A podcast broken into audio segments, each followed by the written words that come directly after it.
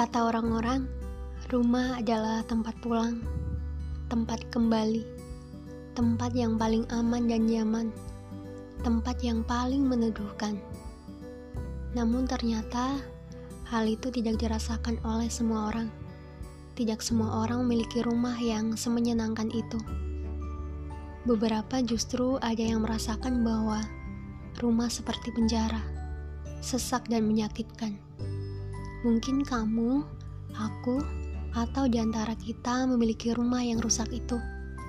Rumah yang diharapkan menjadi tempat yang bisa dijadikan perlindungan, nyatanya enggak.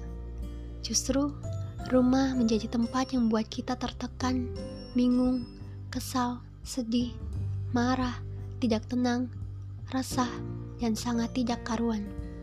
Dan pada situasi itu pula, Kadang kita tidak memiliki kekuatan untuk merubahnya, tidak memiliki keberanian untuk memperbaikinya.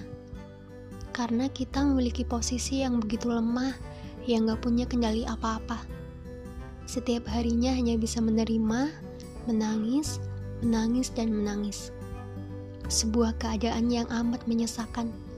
Kekerasan dalam rumah tangga, semuanya bersikap semaunya, sibuk dengan urusannya sendiri-sendiri dan permasalahan-permasalahan lain yang kita sendiri tidak pernah berani untuk mengatakannya karena terlalu malu untuk mengungkapkan atau menegaskan betapa rusaknya rumah kita.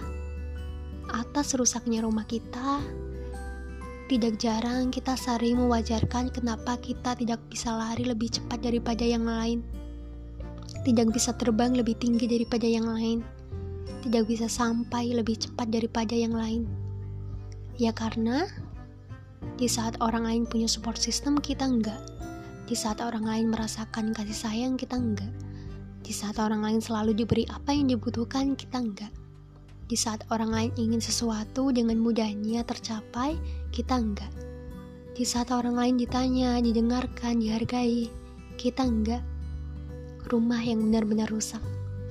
Namun, ternyata Meskipun rumah kita yang sekarang sudah sangat rusak, kita sama-sama masih punya kesempatan untuk membangun rumah yang baru, membangun rumah yang aman dan nyaman, membangun rumah yang bisa dijadikan tempat berlindung, rumah yang tentram dan menyenangkan.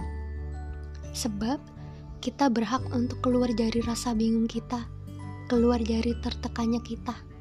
Jadi, pelan-pelan sudahi sedihnya ya.